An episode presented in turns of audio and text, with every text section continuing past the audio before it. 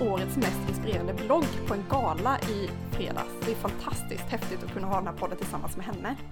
Och idag har vi med oss en annan stor inspiratör för både mig och Lisa. Och den här tjejen pratade vi faktiskt om i vårt allra, allra första avsnitt av Att Resa-podden. Hon är en äventyrska av högsta rang och har gjort någonting som första svenska kvinna eh, som ingen annan har gjort. Hon har gått, hon har vandrat från Nya Zeelands norra spets ända ner till södra spetsen. En vandring på 3000 kilometer. Helt fantastiskt och vi är så glada att kunna ha med oss Helena Olmås. Välkommen Helena! Tack snälla! Du måste börja med att berätta lite grann om dig själv. Vem är du? Oj, vem är jag? Eh, ja, jag heter Helena Olmås. Jag är Dalkulla i botten. Men har bott i Stockholm nu i nästan halva mitt liv, i 17 år. Jag jobbar som personlig tränare. På min fritid tänkte jag säga, men det är inte min fritid, det är min arbetstid. Och ja, det är ungefär jag. Det är ungefär mm, du. Mm. Och sen bestämde du dig för att du skulle göra den här vandringen genom Nya Zeeland. Så en naturlig första fråga känns ju som, hur kom du på tanken? Vandra i flera månader och 300 mil genom Nya Zeeland. Det är faktiskt en lång historia och en liten rad med händelser som, som fick mig att göra det. Det började vintern 2009 egentligen. Eh, när jag jobbade supermycket på jobbet. Jag hade en kollega som eh, var sjukskriven så att jag jobbade i stort sett 200 procent eh, vintern 2009-2010. Så på våren 2010 så kände jag bara så att jag måste få ett break. Jag bestämde mig för att åka till Spanien och vandra pilgrimsleden genom Spanien som var 80 mil. Eh, jag bestämde mig tre veckor innan jag åkte att jag skulle göra det så jag hade ingen utrustning, jag har aldrig vandrat i hela mitt liv, jag hade ingen koll på vad jag skulle ge mig in på. Men jag köpte kängor, jag köpte ryggsäck, jag köpte kläder och sen drog jag iväg. Jag gjorde det där på tre veckor och eh, kom hem till Sverige och eh, hade en känsla i kroppen som jag aldrig har känt innan. Eh, när jag kom fram till Santiago så kände jag mig helt odödlig faktiskt. Eh, när jag stod där framför katedralen och hade ont i hela kroppen och kände att nej, jag klarar det här. Hur ont det än gjorde så fortsatte jag och jag klarade det.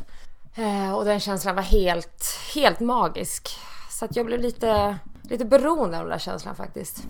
Var det mest den mentala styrkan eller den fysiska styrkan som du kände att var så mäktig. Mm. Att du hade mm. den, att du besatt den så att säga. Det var nog eh, den mentala styrkan att fortsätta trots att det gör ont i precis hela kroppen. Så alltså för mig är den mentala och den fysiska styrkan samma sak egentligen. För kroppen är ingenting utan psyket. Så, så det var faktiskt både och. Eh, men när jag kom hem därifrån så mm, läste jag en liten notis i en resetidning om att de höll på att färdigställa en vandringsled genom hela Nya Zeeland. Det här är alltså våren 2010 som jag läser det här. Och jag bara kände wow, jag fick så här, jag kan fortfarande känna känslan. Jag fick liksom ett sug i hela kroppen och fick nästan ståpäls. Så jag tänkte det vore så häftigt. Men jag hade fortfarande så ont i hela kroppen så jag kände ge dig nu. Det är fyra gånger så långt som du precis har gått och du har så ont överallt och det är bara att lägga ner liksom. Det kommer vara för jobbigt och för långt. Så jag släppte lite tanken och eh, ett år senare så så hade de gjort klart den här leden och det läste jag på nätet för att såklart så började jag ju följa det här på nätet för jag kunde inte släppa det ändå. Det är någon, någon störning som jag har i mitt huvud när det planteras ett frö så, så går det liksom inte att döda det utan det bara växer där inne utan att jag själv märker det. Eh, så att den stod klar 2011 och eh, de gav ut en bok om den här leden. Eh, mannen som som initiativtagare till leden gav ut en bok och eh, jag köpte den såklart och började bläddra i den här boken. Och såg alla vybilder och ja, det var så häftigt. Jag bara kände att jag vill så gärna göra det här. Jag var fortfarande faktiskt trött efter vandringen genom Spanien trots att det hade gått ett år. Så kände jag att Nej, återigen, det är för långt, det tar för lång tid, det är så mycket jobbigare terräng än Spanien och det är allt ifrån strand till snö och det är, hur ska du kunna göra det? Det är, det är för mycket. Var det just att Nya Zeeland och den här leden tilltalade dig?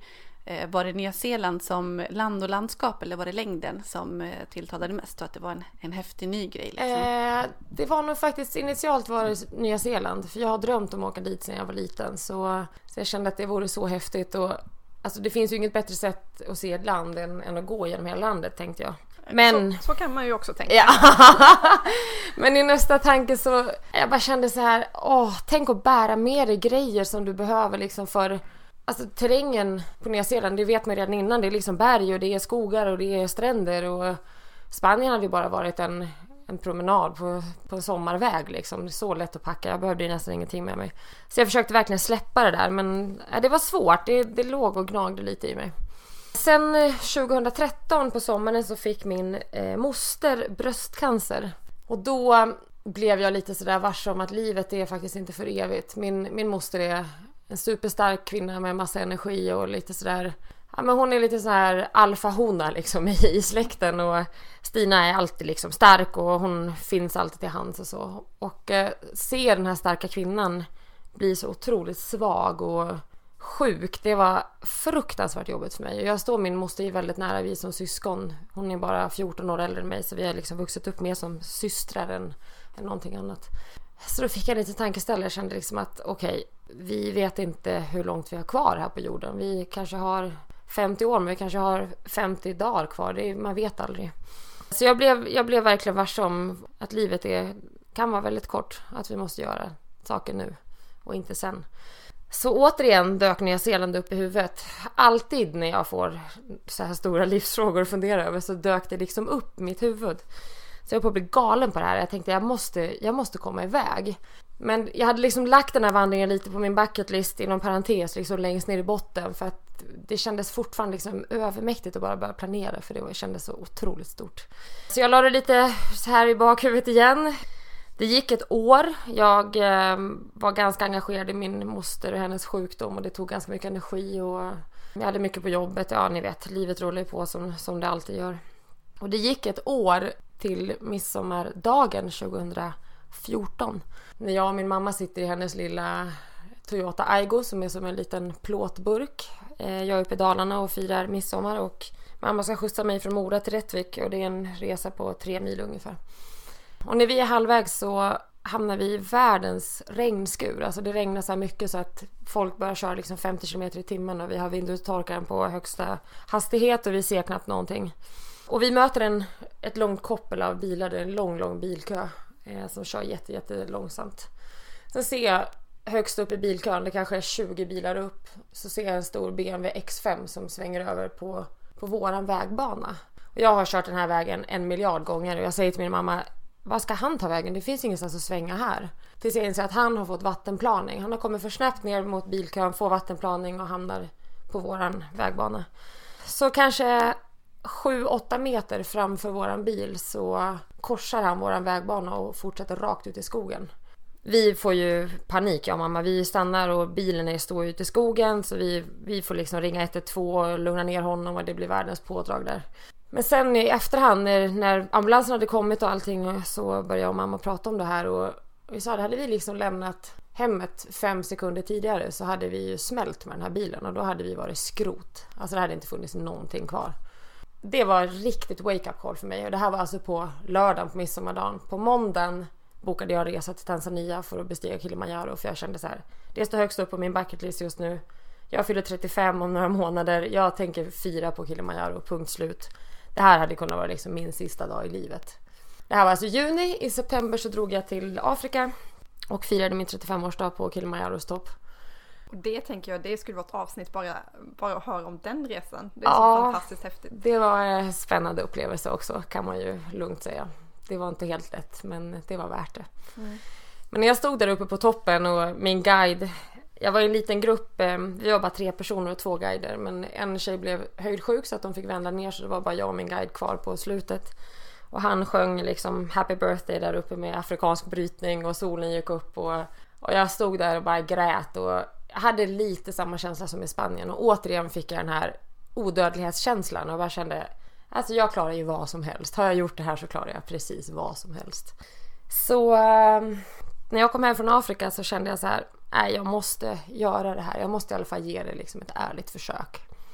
Eh, men så började ju tvivlen komma såklart. Eh, hur ska jag ha råd? Vad säger min arbetsgivare om jag ska ta ledigt från jobbet ett halvår som det kommer att ta? Alla de här bitarna.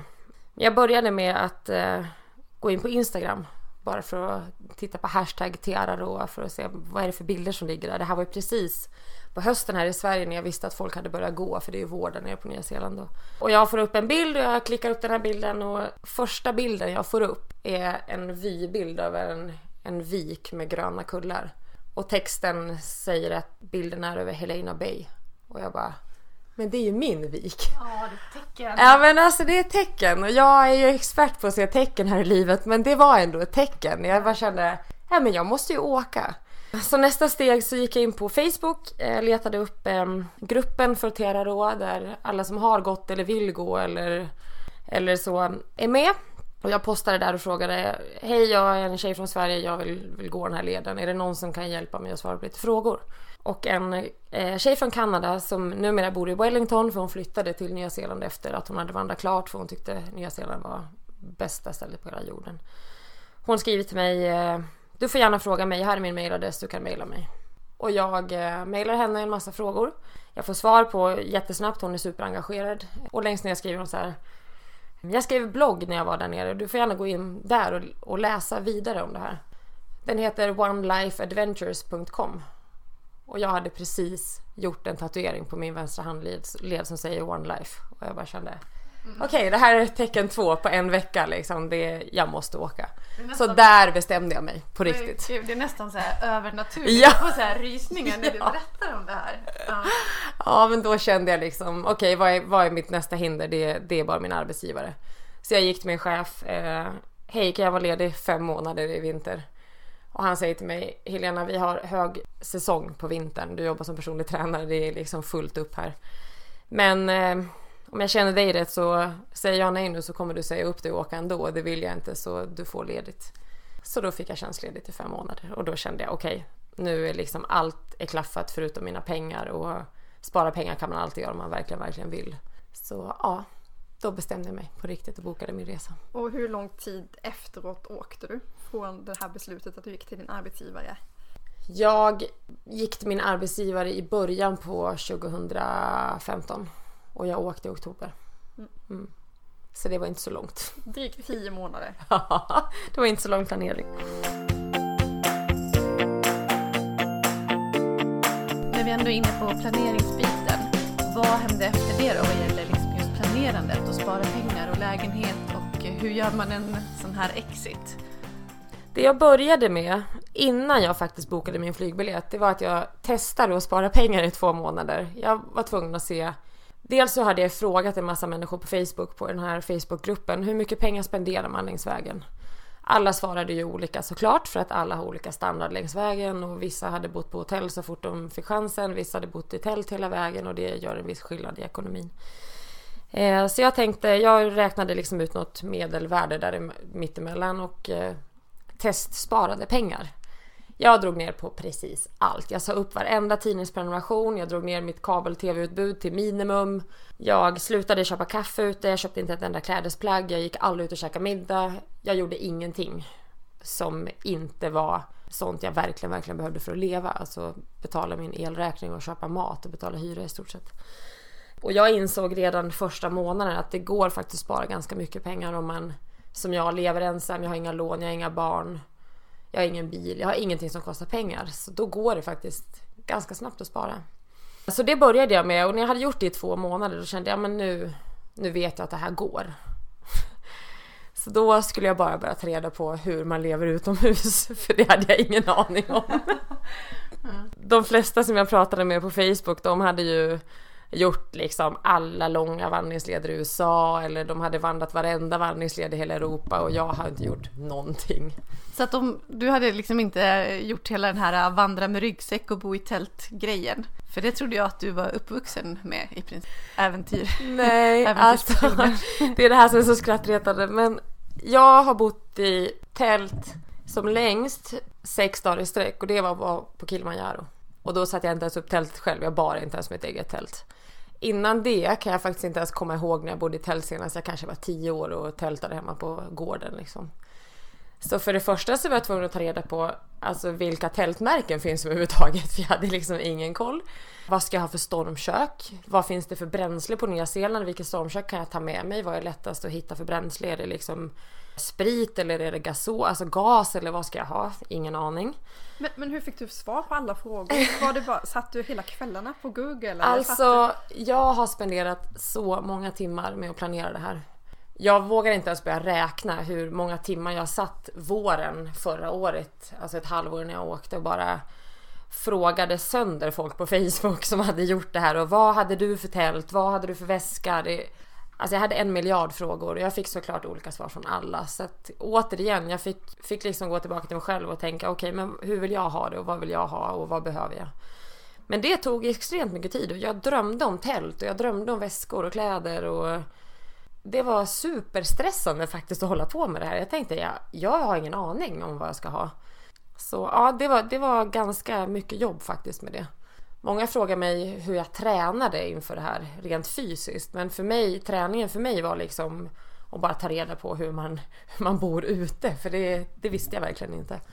Nej, för vad gäller det fysiska så är ju du personlig tränare och har jättebra fysisk form. Jag vet att du är superduktig löpare bland annat och styrka och så. Känner du att du var i rätt form redan från början eller gjorde du ytterligare saker för att förbereda dig? Det enda jag kunde jämföra med var ju när jag var i Spanien eh, och jag kände redan där när man bara går 80 mil, inte bara men jämfört med Nya Zeeland är det bara, eh, så kände jag att kroppen tränar sig liksom längs vägen. Det är omöjligt att, att träna inför en sån här lång vandring. Det är inte så att man kan, alltså när jag springer maraton, det är inte så att jag sticker ut och springer ett maraton som träning innan. Utan man springer mycket kortare och på samma sätt fick jag göra här. Så sommaren innan jag åkte så var jag hemma hos mamma i Dalarna hela min semester. Och det jag gjorde var att jag gick till den här lilla sandlådan, hon bor i ett radhusområde, lilla sandlådan där man har sand och sandar vägarna på vintern. Och fyllde en hel liksom, ICA-kasse med sand och stoppade i min väska. Ja, så vägde den. Ja, men den väger 15 kilo, det är perfekt. Så var jag ute och vandrade med den här väskan. Men jag tog inga långa vandringar. Jag kanske gick en mil eller 15 kilometer.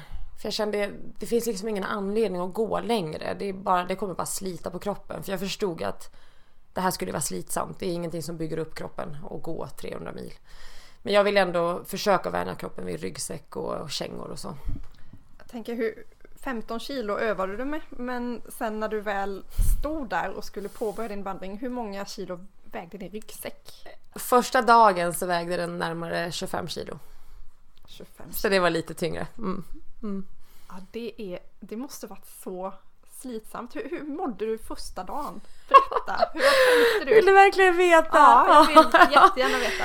Så här är det, eh, den här leden börjar med 100 kilometer sandstrand.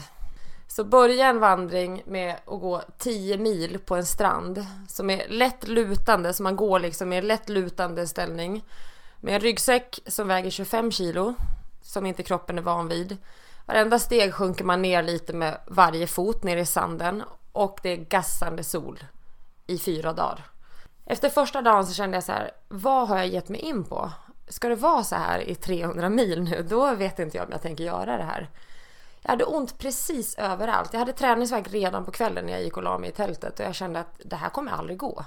Det här är fruktansvärt. Jag var jätteglad att vara där. Jag tänkte det är slutet på oktober och det är sol och alla hemma i Stockholm har regn och det är grått. Det var liksom det enda som fick mig att gå. Att okej, okay, Helena, du är på semester. Det är soligt, du är på en strand, det är vackert, havet är vackert och vågbruset är vackert. Det var vackert ungefär två timmar och sen var det bara irriterande.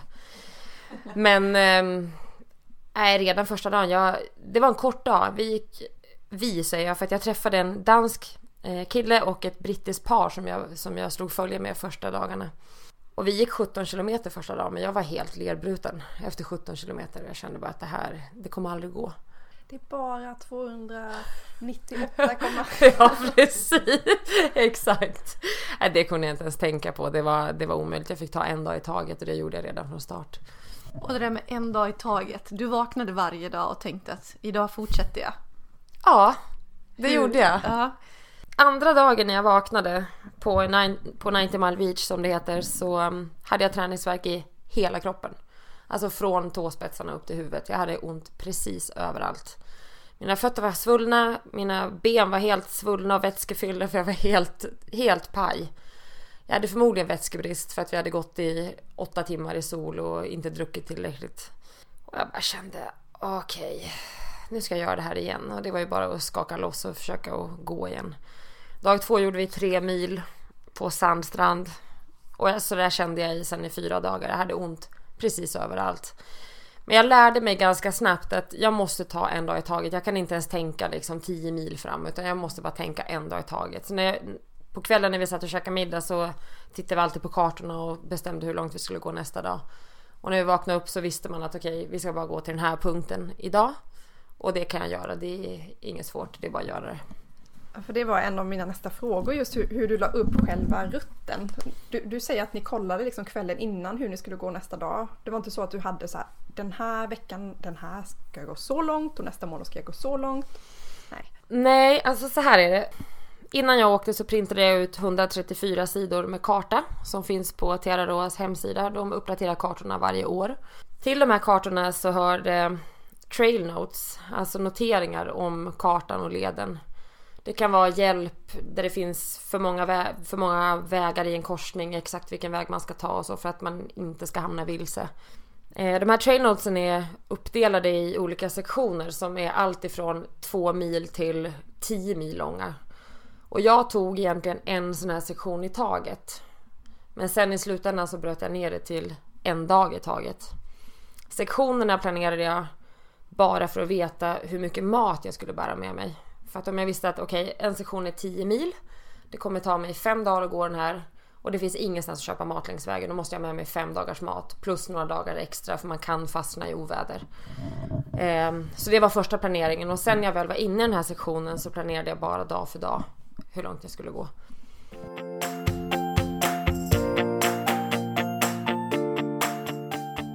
Något som jag blev att tänka på när du berättade det, det är hur utsatt man är när man väl vandrar på den här leden.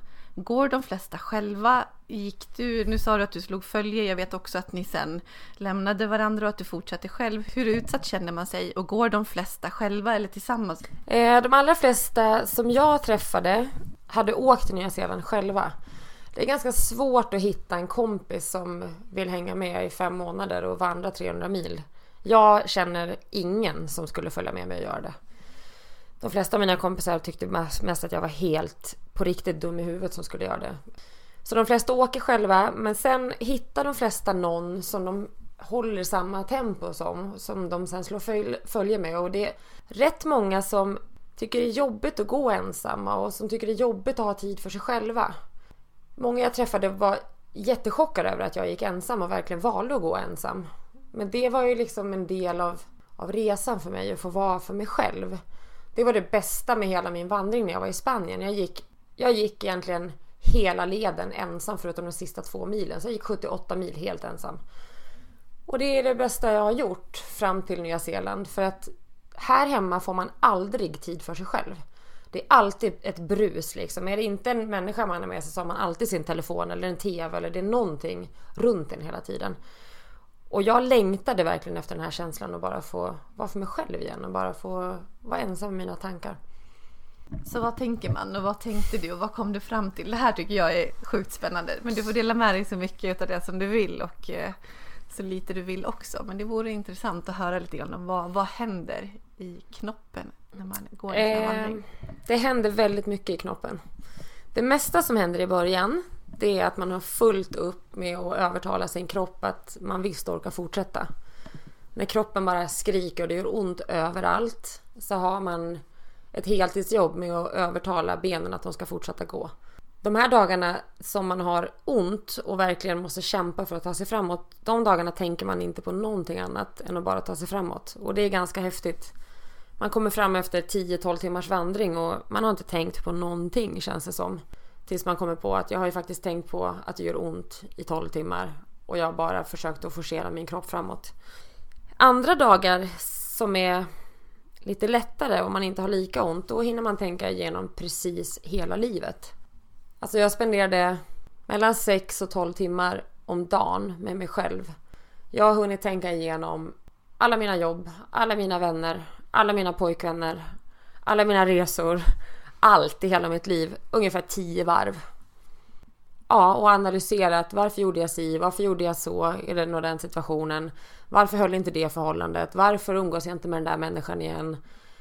Varför gillar jag inte den där kollegan? Varför saknar jag den där kollegan från för tio år sedan tillbaka så mycket? Alltså allting åker igenom huvudet hundra gånger. Och det är väldigt, väldigt skönt. Det känns som att man man reder ut allt det här som man aldrig hinner liksom fundera över hemma. Här hemma är det alltid, man bara liksom far runt och man åker från en plats till en annan och man hinner liksom aldrig reflektera riktigt över varför man tar beslut och varför man gjorde si eller så. Men nu fick jag liksom tid att ta upp allting till ytan och verkligen bara ja, resonera med mig själv och bara fundera igenom allt jag har gjort i livet i stort sett. Det är rätt häftigt. Och vad gör man med all den informationen? Hur, hur, liksom, hur bearbetar man det och vad gör man av det sen när man, liksom, nu när du är hemma igen? Vad, hur, hur landar man i det och vad gör man åt all, alla de här insikterna man har kommit till? Eh, längs vägen så gråter man väldigt mycket. Om man är känsloperson som jag är. Jag har gråtit extremt mycket. Inte bara smärta men också över tankar och människor man saknar och saker man inte är så stolt över som man har gjort i livet. Jag ångrar en del saker jag gjort i mitt liv. De flesta säger att de inte ångrar någonting i sitt liv men jag ångrar några saker som jag har gjort. Det har jag gråtit lite över. De flesta saker som jag har gått igenom längs vägen har jag också lämnat därhän. Det känns som att jag har liksom, jag är klar med de grejerna. Jag kan lämna dem nu. Och det känns väldigt, väldigt skönt. Så på det sättet så känns mitt sinne lite lättare faktiskt nu när jag är hemma. Andra saker som jag har funderat över kräver lite mer bearbetning här hemma. Och de sakerna har jag tagit med mig hem och också hittat styrkan till att faktiskt reda ut de grejerna med mig själv och med andra människor i mitt liv. Och det känns superspännande. Jag har några personliga projekt sådär, som jag ska ta tag i nu som jag verkligen känner Alltså kan jag gå 300 mil så kan jag reda ut det här. Det är ingenting. Eh, och det känns också väldigt härligt. Sen kommer man också till insikt över människor som man har i sitt liv som man kanske jag tror alla, ni har säkert också sådana människor i ert liv. Så man känner lite så här dåligt samvete. Jag hinner aldrig höra av mig till den och den. Och... Men de här människorna har jag knappt tänkt på på fyra månader där nere. Och det säger mig någonting då att de människorna kanske inte betyder så himla mycket för mig egentligen. Och behöver jag verkligen lägga energi och tid på de här människorna? Och de hör ju inte av sig till mig heller så vi kanske är klara med varandra. Och det är också en skön insikt. Att att, okej, okay, men då kan jag plocka bort dem i mitt liv. Jag behöver inte ha dem som en, ett dåligt samvete liksom, i bakhuvudet. Så det blir liksom som en mental, total storstädning. Och det är super, super skönt. Du vet att jag kommer vara den första som köper din bok för jag hör att det här är verkligen bokstoff. ja, jag hoppas att det blir en bok en dag. Jag ska bara hitta någon som vill ge ut den och sen jag lovar att jag ska skriva en bok om om jag hittar någon som vill ge ut den. Jag har redan, alltså jag har ju skrivit varje dag längs hela vandringen så jag har ju supermycket material. Ja, för det var någonting som jag tänkte, hur kommer man ihåg alla de här sakerna när man kommer hem? Skrev du mycket för dig själv på resan och som är sånt, både om saker som du har kommit till insikt om och saker du vill reda upp och hur man hanterar? Jag har skrivit dagbok för hand varje dag. Jag har träffat väldigt många amerikaner som är lättviktsspecialister när de är ute och vandrar. Deras ryggsäckar väger liksom 8 kilo och de har ingenting med sig. Och de bara tittar på mig liksom storögt och bara Va? Har du med dig penna och papper? Hur, varför bär du med dig en tung dagbok? Och jag sa till dem att det är för att jag måste komma ihåg allting. Vissa som jag träffade skrev inte ner någonting och jag, jag, tycker lite synd om de människorna för det händer så mycket längs vägen och man träffar så många människor och ser så mycket och upplever så mycket och det är omöjligt att komma ihåg allting. Helt omöjligt. Så det var, för mig var det värt de här extra 400 grammen som min, som min bok vägde för att jag skulle kunna skriva längs hela vägen. Många skrev på sina telefoner och, ja, och iPads som de hade med sig och så men jag, jag vill skriva med penna och papper. För det ger det är mer känsla för mig och det blir mer äkta på något sätt. jag är superglad att jag bar med mig den där boken. Om vi pratar om just landet Nya Zeeland, både jag och eh, Lisa vurmar ju för Nya Zeeland och jag tror att alla mer eller mindre har någon hemlig dröm om att faktiskt åka dit för det är så, det är så långt bort man kan komma liksom. Hur, berätta mer om Nya Zeeland, alltså dina upplevelser av, av landet i sig och människorna som bor där. Det ska bli jättekul att höra. Wow, det här är ett helt poddavsnitt för sig kan jag säga. Jag kan säga så här, människorna på Nya Zeeland, de har gjort halva min vandring. Alltså jag hade hört väldigt, väldigt mycket gott om, om kiwis och att de är så gästvänliga och trevliga och hjälpsamma. Så jag hade ganska höga förväntningar. Men jag hade aldrig kunnat tro att de var, skulle vara så underbara som de var. Jag har såna stories om de här människorna så att det, jag tror knappt mig själv när jag berättar dem. Det, det har varit allt ifrån ja, men en man som jag sprang på i en stuga mitt ute i ingenstans. Jag hade vandrat i två dagar och jag möter honom. Han är ute och vandrar en två dagars vandring med sina hundar.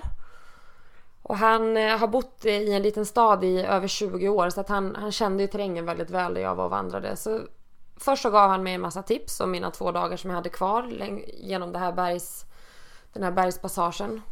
Och sen säger han till mig, ja ah, men du kommer ju till min hemstad om två dagar. Var ska du bo någonstans? Har du bokat ett boende? Jag sa nej men jag bokar aldrig boende för jag vet aldrig när jag kommer fram. Nej men eh, alltså jag är inte hemma men jag kan lägga ut min nyckel så kan du bo i mitt hus. Och jag kommer dit två dagar senare, har gått i spöregn i åtta timmar. Jag ringer honom och han svarar inte. Jag tänker okej, okay, det här var ju bara small talk liksom.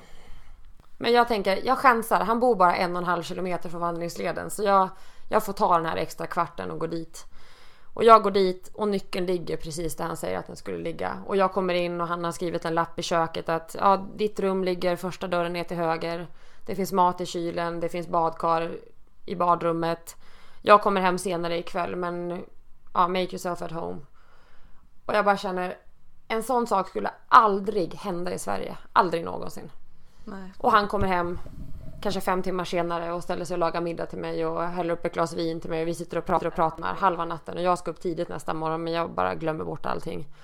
Och han är kanske 25 år äldre än mig och berättar liksom alla sina stories om, om alla sina vandringsresor runt sitt eget land och även i andra länder. Och, och han kommer ju vara en person som jag kommer ha kontakt med resten av mitt liv.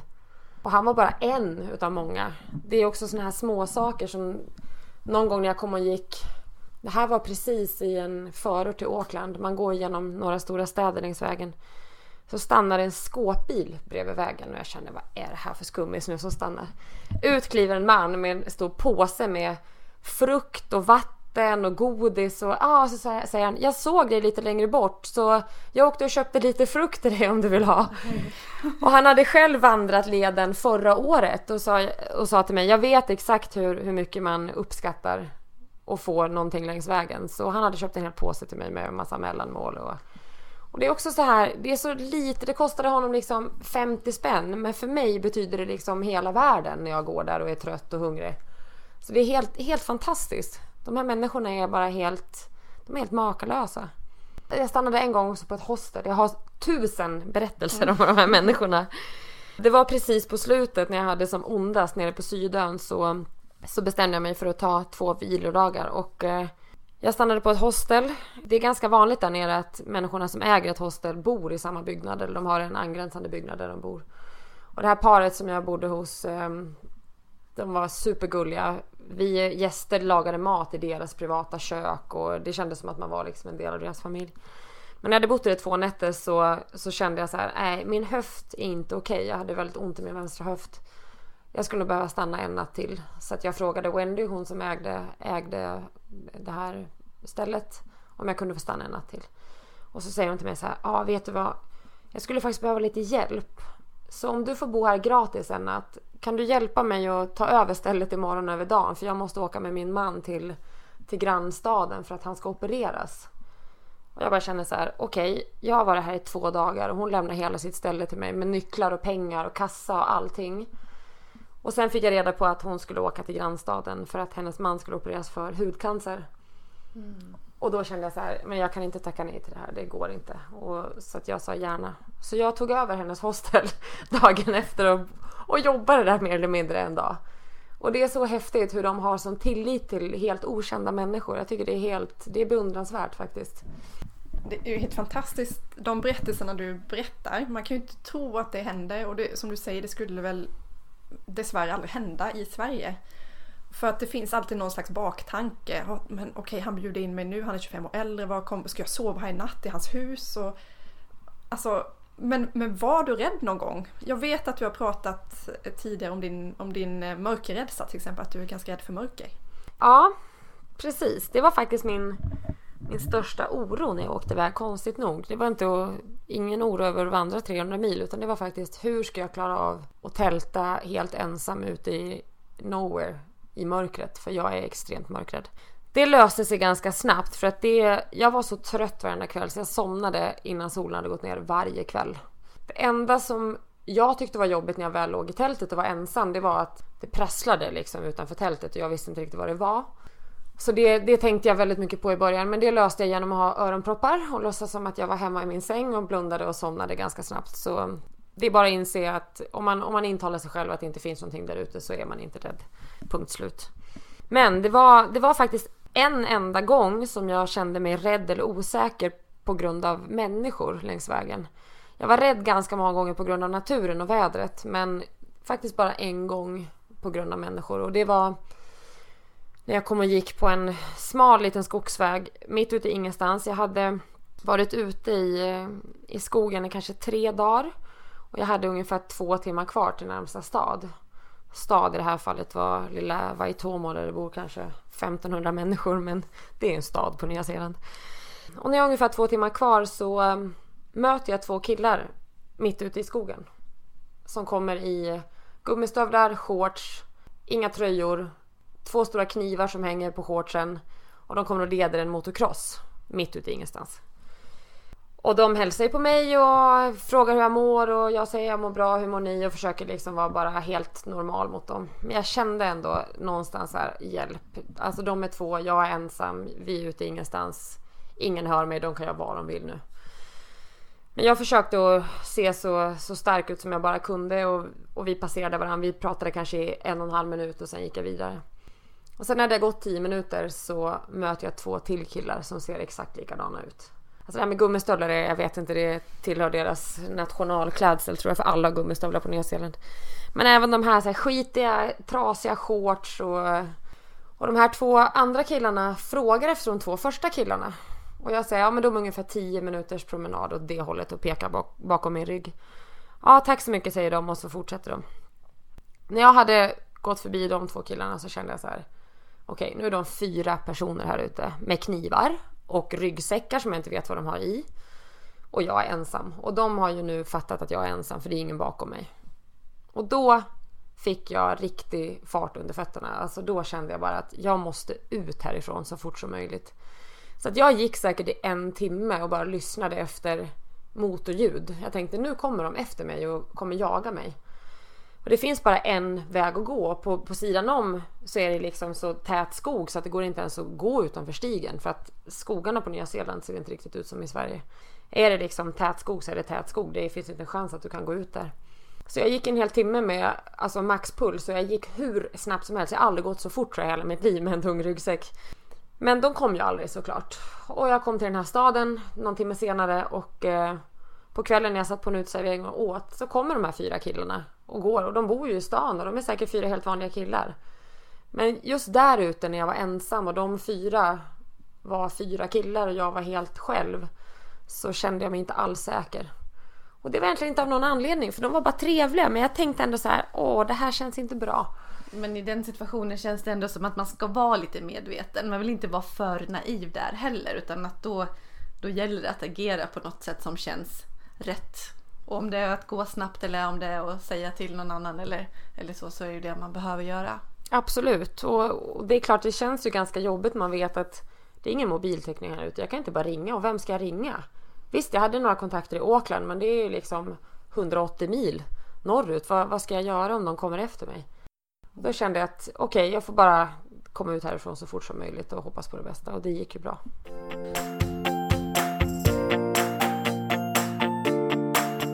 Du sa också att eh, du var lite mer rädd för naturen och för utmaningarna där. Kan du inte berätta lite grann för oss om eh, de här? Vi har ju hört om sanden redan men om Oh, wow. Ja, jag hoppas att mamma inte ska lyssna på det här nu. eh, nej men det, så här är det. Jag har alltid haft respekt för naturen. Man vet ju att när naturens krafter sätter igång så har vi inte så mycket att komma med, lilla människan. Vi är inte så stora då. Och när man lever utomhus så får man ju vara med om alla väder. Allt ifrån stark sol. Solen kan vara vacker men på Nya Zeeland kan den också vara väldigt, väldigt stark och väldigt jobbig. Alltså jag har bränt mig något så vansinnigt där nere. Och man ska inte underskatta solen och värmen och vätskebristen som följer med det och, och hela det här.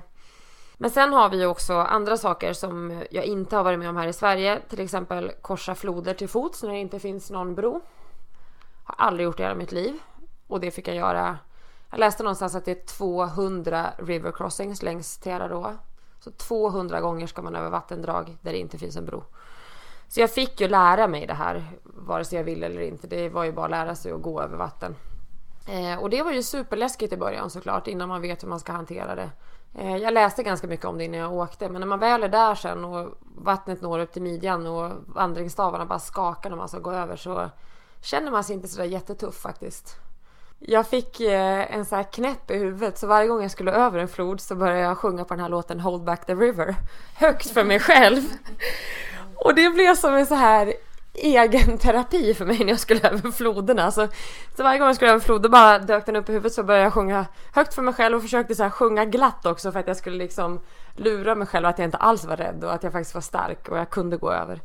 Och eh, det som var superläskigt i början, det var ju inte alls läskigt på slutet. Nu skulle jag kunna gå över vilken flod som helst känns det som och det, jag känner mig supersäker att göra det. Det var ju snarare hängbroarna som var liksom en decimeter breda som var jobbiga på slutet för att jag är så höjdrädd. Men själva vattnet i sig var jag inte rädd för till slut. Sen har vi vinden på Nya Zeeland. Den är också väldigt speciell. Det kan ju blåsa ganska ordentligt. Och jag var ordentligt rädd en gång. Och det var på samma ställe som jag träffade den här mannen som erbjöd sig att bo i hans hus. Dagen efter jag hade lämnat honom i den här stugan så, så skulle jag över min första bergstopp på vandringen och det var Mount Crawford som är drygt 1400 meter högt. Jag visste att det var ett oväder på väg in. Det skulle komma först mot kvällen eller till och med dagen efter. Så jag hade fått tips om att lämna så tidigt du kan på morgonen så att du tar dig över toppen innan ovädret kommer. På kvällen när jag gick och la mig ner i dalgången innan toppen så var det superfin solnedgång och det var vindstilla och allting var bara frid och fröjd. Jag var helt ensam i stugan. Jag tände en brasa, lyssnade på musik och låg och läste och det var liksom superhärligt. Sen vaknade jag 5.30 nästa morgon av att eh, vinden bara ven ner i skorstenen och jag tittade ut och jag kunde se 50 meter framför mig. Det var totalt igenmulet och det blåste som bara 17. Jag visste att det här ovädret skulle hålla i sig i 4-5 dagar. Jag hade inte så mycket mat med mig så att stanna var... Det fanns inte på världskartan, jag kunde inte göra det. Gå tillbaka till närmsta stad bakåt var två dagars vandring. Men gå framåt var bara en dags vandring. Så jag kände att jag måste göra det här. Jag, får, jag måste göra ett försök. Och det gjorde jag. Men eh, det kanske var mina två värsta timmar på hela vandringen faktiskt. Alltså det är vädret. Det blåste alltså 90 kilometer i timmen i vindbyarna. Och det är ganska kraftig vind. Jag skulle gå på en bergskam som var på vissa ställen mindre än en meter bred. Som tur var så var det mulet så jag kunde inte se hur högt det var på sidorna för jag är extremt höjdrädd. Så det var det enda jag tänkte på. Helena var glad att det inte är sikt för att då hade du sett hur, hur brant det är på, på sidorna. Så jag försökte hela tiden så vända det till någonting positivt. Men på vissa ställen fick jag krypa på alla fyra för det blåser så mycket så jag kände att det kommer att komma en kastvind och kasta mig av bergskammen nu och jag kommer dö här uppe. Jag kände det så många gånger och jag grät i stort sett i ja, 45 minuter tills jag kom upp på toppen. Och det var fruktansvärt. Jag hade satt på regnskyddet på min väska för att jag visste att det skulle komma regn. Det tog ju vind så att det blev som ett segel på väskan. Så jag fick ju gå och samtidigt försöka så här krångla av det här regnskyddet för att jag skulle bli av med mitt segel på ryggen.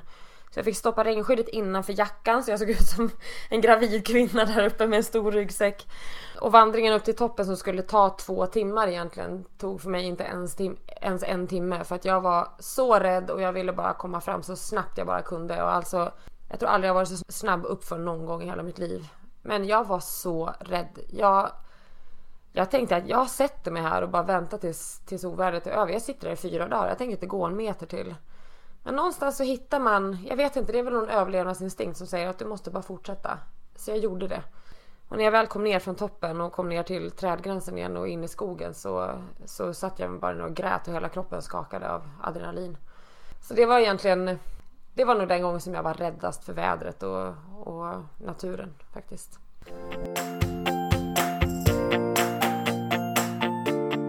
Om vi går från de mer skrämmande sakerna till de vackra och just det här med Nya Zeeland som land och vad du såg. Alltså nu förstår jag att du är så inne i vandringen och allt det här. Hinner man överhuvudtaget uppleva landet och se det här vackra? Och i sånt fall, vad tycker du om landet och vilka var liksom några höjdpunkter om du vill Nya Zeeland boosta oss lite grann?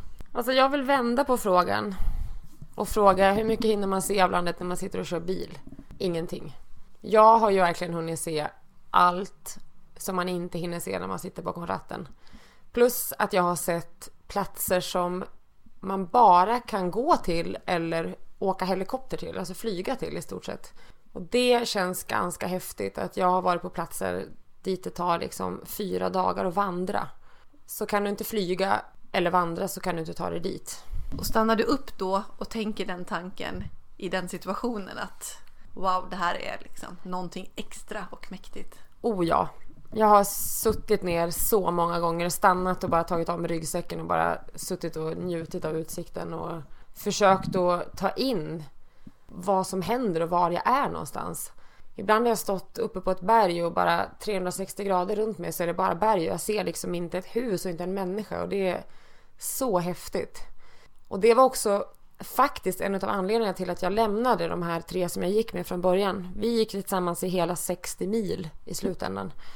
Vi höll inte jämn fart hela tiden så vi gick inte tillsammans hela dagarna men vi övernattade alltid tillsammans och så. Men jag kände ändå alltid att jag var liksom en, en, del av en grupp så jag kände att jag tog mig liksom inte tid att stanna upp ordentligt när jag ville och jag, jag hade nästan bestämda pauser att varje timme skulle ta en paus och ibland ville jag kanske ta en paus var tionde minut för att det var så vackert där jag gick. Så det var faktiskt en av anledningarna till att jag lämnade dem till slut för jag kände att jag behöver göra det här på mitt sätt.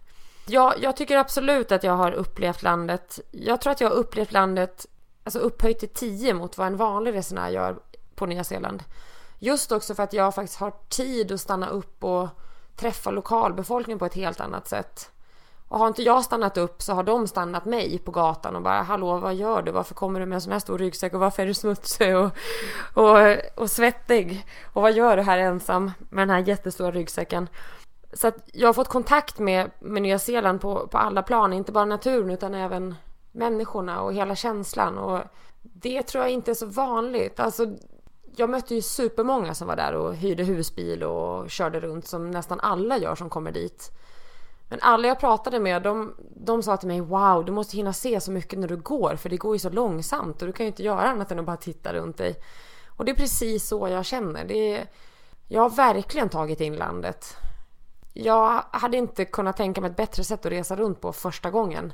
Skulle jag åka tillbaka nu, vilket jag kommer att göra, jag ska inte säga om jag åker tillbaka utan när jag åker tillbaka så kommer jag självklart inte gå omkring. Jag kommer inte gå, resa runt till fots. Jag kommer hyra en bil eller en husbil. Men jag är väldigt, väldigt glad att jag har gjort den här vandringen och sett delar av Nya Zeeland som väldigt få människor får se faktiskt. Så när du åker tillbaka då, vilka ställen kommer du åka till då?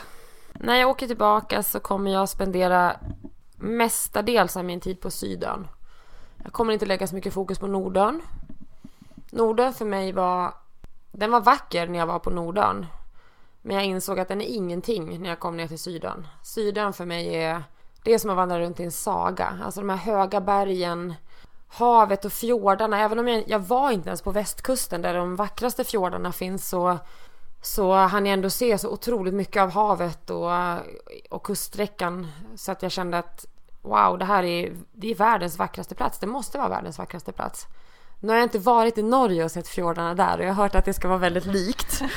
Det var precis vad de sa till mig när jag var på Nya Zeeland med husbil förstås för fem år sedan. Och jag gjorde Norges fjordar förra veckan just för att det såddes ett frö hos mig när jag var på Nya Zeeland och först efter det började jag uppmärksamma det.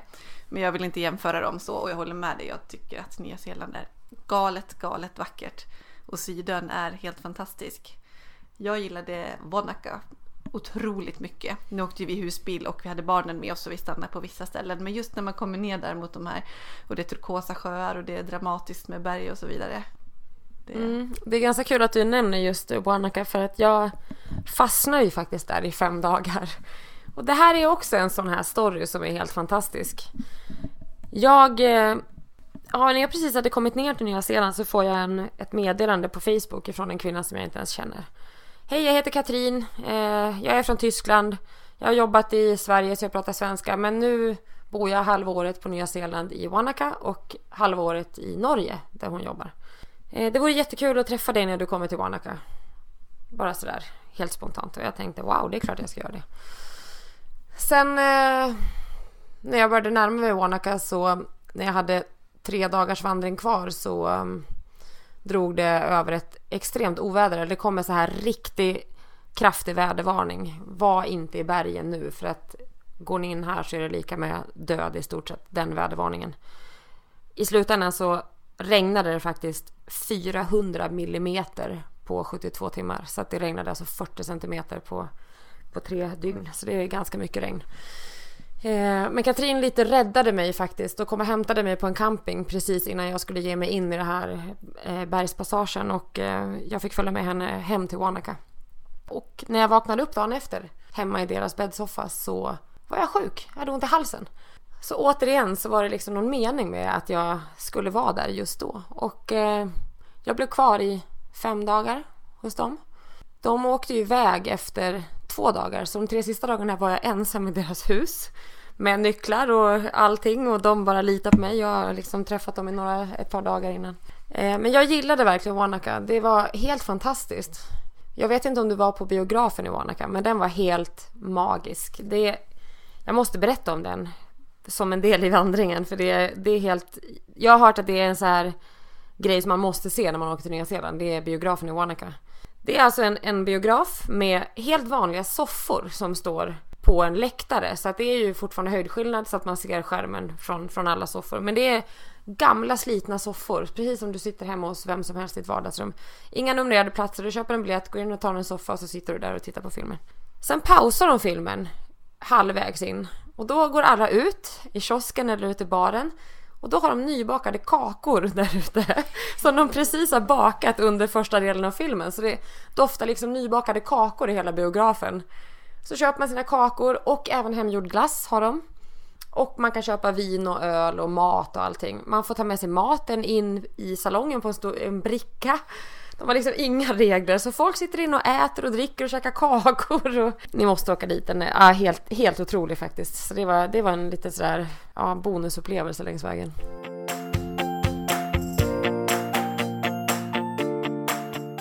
Du berättade i början om när du gick på sanden och att du hade ont varje steg och det var första milen.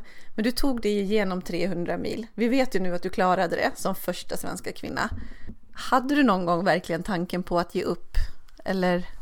Tanken på att ge upp hade jag kanske varje dag. Jag hade inte en enda dag av 130 dagar som var lätt. Det var aldrig som jag gick och la mig och tänkte åh gud vilken lätt dag det här var. Jag kämpade varje dag. Men det var ju några tillfällen när jag kände att det går inte mer. Alltså när man står med, med lera upp till knäna och det regnar och väskan är för tung och du är hungrig och du vet att du ska sova i tält i natt. Du får inte ens ta en varm dusch när du kommer fram. Alla de dagarna kände jag att det här är inte kul längre. Varför gör jag det här? Men där kan jag säga att min insamling till Cancerfonden hjälpte mig supermycket. Jag hade en inre dialog liksom. Okej Helena, vill du verkligen nu svika alla som har skänkt pengar till Cancerfonden? Vill du åka till Åklands flygplats och känna att du hade 100 mil kvar? Det går inte, det är omöjligt. Och det fick mig att, att fortsätta trots att jag stod med lera upp till midjan. Och känslan när du gick i mål sen då? Var det lättnad eller glädje eller stolthet eller allt blandat? Eller urladdning bara? Jag satte faktiskt igång min kamera när det var 200 meter kvar tror jag. För att jag tänkte spela in en liten tackfilm till alla som hade skänkt pengar. Eh, jag fick ta om den här filmen kanske tio gånger för jag bara grät. Första gången när jag såg, såg eh, skylten där leden slutar så var jag tvungen att vända tillbaka och gå bakom en buske och gråta för att jag orkade inte gå fram för att det var, det var så otroligt känslosamt. Det, jag kan inte ens förklara. Jag kunde liksom inte hålla tillbaka tårarna, de bara kom. Och jag vet inte vad det var för känsla. Jag var liksom... Många jag pratade med, de kände tomhet när de kom fram och de kände att de ville inte att det ska ta slut. Det kände inte alls jag. Jag var bara lycklig och lättad och glad att, att det var över för jag hade haft så ont sista biten och jag bara kände äntligen får jag sluta gå. Det var helt fantastiskt.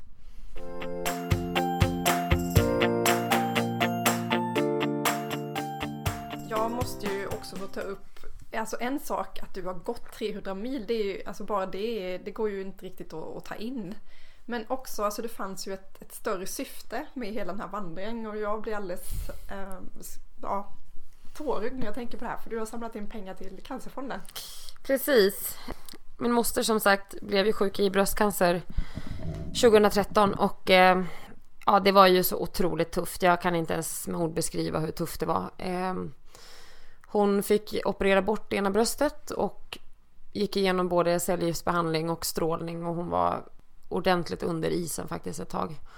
Men hon hämtar sig som den starka kvinna hon är och eh, idag är hon ju inte friskförklarad för det blir man ju inte förrän efter fem år men hon är cancerfri som man säger.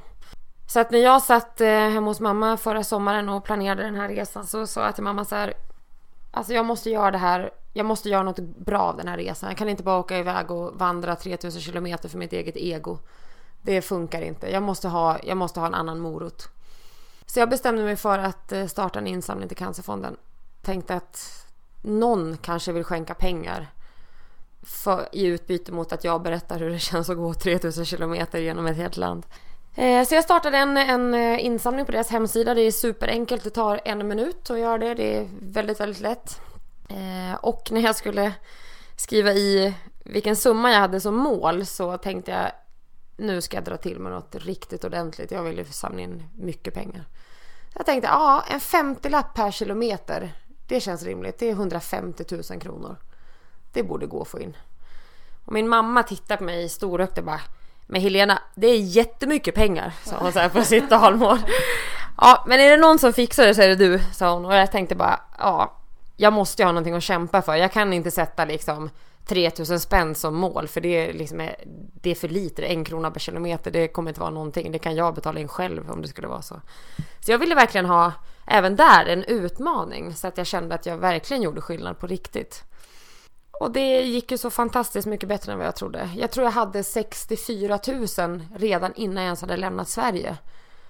Det är ganska intressant det här med cancer. Det, det engagerar så otroligt många människor. Har man inte själv haft cancer så Känner man någon som har haft cancer eller känner någon som har cancer nu eller man har förlorat någon nära eller alla har liksom en relation till cancer på ett eller annat sätt och, och det visade sig verkligen när jag startade den här insamlingen. Det kom ju pengar från alla möjliga håll och helt oväntade håll. Så det kändes ju helt fantastiskt faktiskt. Eh, sociala medier har ju en supergenomslagskraft där. Jag, jag började med att sprida min länk på min blogg och på min Facebook-sida och sen bara Alltså det spreds ju som en löpeld. Och det var rätt häftigt längs vägen. Jag, det var väldigt... Ja, det var, det var peppande för mig varje gång jag hade en internetuppkoppling och gå in och titta. Okej, okay, hur ser det ut med insamlingen nu? Håller insamlingen jämna steg som jag längs vandringen? Sådär. Och eh, insamlingen var faktiskt före mig hela tiden. Jag fick nästan springa för att liksom hinna, i, hinna i fatt och det var helt fantastiskt. Men det kom det kom så fina bidrag. Min, min arbetsgivare skänkte 5000 kronor. När de egentligen borde sitta hemma och vara sura över att jag inte var där utan hade lång semester. Eh, när jag precis hade påbörjat vandringen på Sydön så fick jag in ett bidrag på 10 000 kronor från en gammal barndomsvän som jag knappt har träffat sedan jag flyttade från min hemby på Dalarna 1994. Hans företag hade gått jättebra förra året och han valde att, att skänka en stor peng bara för att fira att företaget hade gått bra. Och då, alltså jag grät ju varenda gång det kom in ett sånt här bidrag. Det är så fantastiskt vackert och när man sitter där nere och redan har en miljard känslor i huvudet och man är helt slut och sen får man se det här. Det är, jag har gråtit så många liter tårar så det känns som jag inte har några tårar kvar faktiskt. Och hur mycket är du uppe i nu? Är den stängd insamlingen? Nej, nej, den pågår fortfarande. Jag vill inte riktigt stänga den. Nej, nu ska du inte det, göra Nej, det, det känns som att den får liksom rulla på. Den, den, den lever fortfarande faktiskt. Jag fick in senaste bidrag i, i förrgår så men den är uppe i 169 350 kronor just nu. Fantastiskt! Mm. Så du har överlevererat på det också. Berätta hur man gör om man vill bidra. Då kan man gå in på cancerfonden.se på deras hemsida och sen kan man söka på Nya Zeeland till fots och då får man upp min insamling. Och där kan man bidra antingen med kort eller så finns det ett nummer där som man kan smsa in en, en 50-lapp om man vill det. Vi kommer såklart att lägga ut länken till din insamling också när vi publicerar det här avsnittet. Tack! Känns ju som att egentligen så skulle vi kunna sitta och prata här ungefär alltså en vecka, en månad. Jag kan lyssna på dig hur länge som helst. Men jag tror att vi ska runda av lite grann här nu. Vi brukar ju avsluta varje program med, eh, med en veckans lista. Vi har funderat på det här vad vi skulle kunna uh, ha som veckans lista och jag tänker att du är ju en så fantastiskt stor inspiratör för mig och för, för Lisa och för många, många andra. Och jag tänker att du om någon borde veta hur man får drömmen att bli till verklighet. Vilka är dina bästa tips? Hur ska vi nå vår dröm? Åh, jag har så bra tips. alltså det första tipset det är att verkligen tro på sin dröm. När jag började prata med människor om den här vandringen så fick jag ju fler skeptiska kommentarer än peppande kommentarer. Om man inte tror på sin dröm tillräckligt mycket då så är det väldigt lätt att lyssna på alla de här skeptikerna och tänka att nej men det kanske inte går ändå. Det kanske är för långt, det kanske är för jobbigt. Men jag lärde mig ganska snabbt att lyssna aldrig på råd ifrån någon som inte ens har varit i närheten av att göra det du drömmer om att göra. Det är mitt första tips. Tro på din dröm och lyssna inte på någon som inte vet vad du pratar om. Tips nummer två. Det är att istället prata med dem som faktiskt vet vad du ska göra. I mitt fall så var det att ta kontakt på Facebook med folk som faktiskt har gått den här leden och ta reda på hur jobbigt är det egentligen? Är det ens möjligt? Alltså det finns ju ett par hundra som har gjort det innan mig. Det är klart det inte är omöjligt. Eh, för det är från de här människorna som, som man får energi och pepp och verkligen fortsätta att tro på sin dröm. Det är nummer två. Nummer tre. Det är att göra en lista på alla hinder som du har som skulle kunna hindra dig från att göra det här. Och sen är det bara att börja beta av de här hindren. För när man faktiskt har skrivit ner dem, som i mitt fall var det till exempel Nummer ett, jag måste veta om jag får ledigt från jobbet. Får jag inte ledigt från jobbet kommer jag inte ens kunna åka. Nummer två, jag behöver pengar. Och när jag hade testsparat pengar i två månader och insåg att ja, men det går. Då var mina två största hinder var liksom röjda ur vägen. Resten som att ta reda på allt om tält och stormkök och kläder och material och, och sen bara gå 300 mil. Det blir faktiskt petitesser i slutändan. Så det är egentligen bara de tre tipsen jag har. Tro på din dröm, prata med människor som har gjort det du drömmer om och nummer tre, röj alla hinder ur vägen genom att skriva ner dem och bara bocka av. Grymt Enkelt. Bra tips. Ja, exakt. Enkelt. Grymt bra tips verkligen. Men jag måste fråga en sak till bara. Och det kommer du göra något liknande igen. Och vad är det då din nästa, nästa grej? Åh, oh, det är kanske den vanligaste frågan jag får. Är du nöjd nu? Ska du vara hemma ett tag nu? Var den här kicken tillräcklig den här gången eller vill du ha den igen?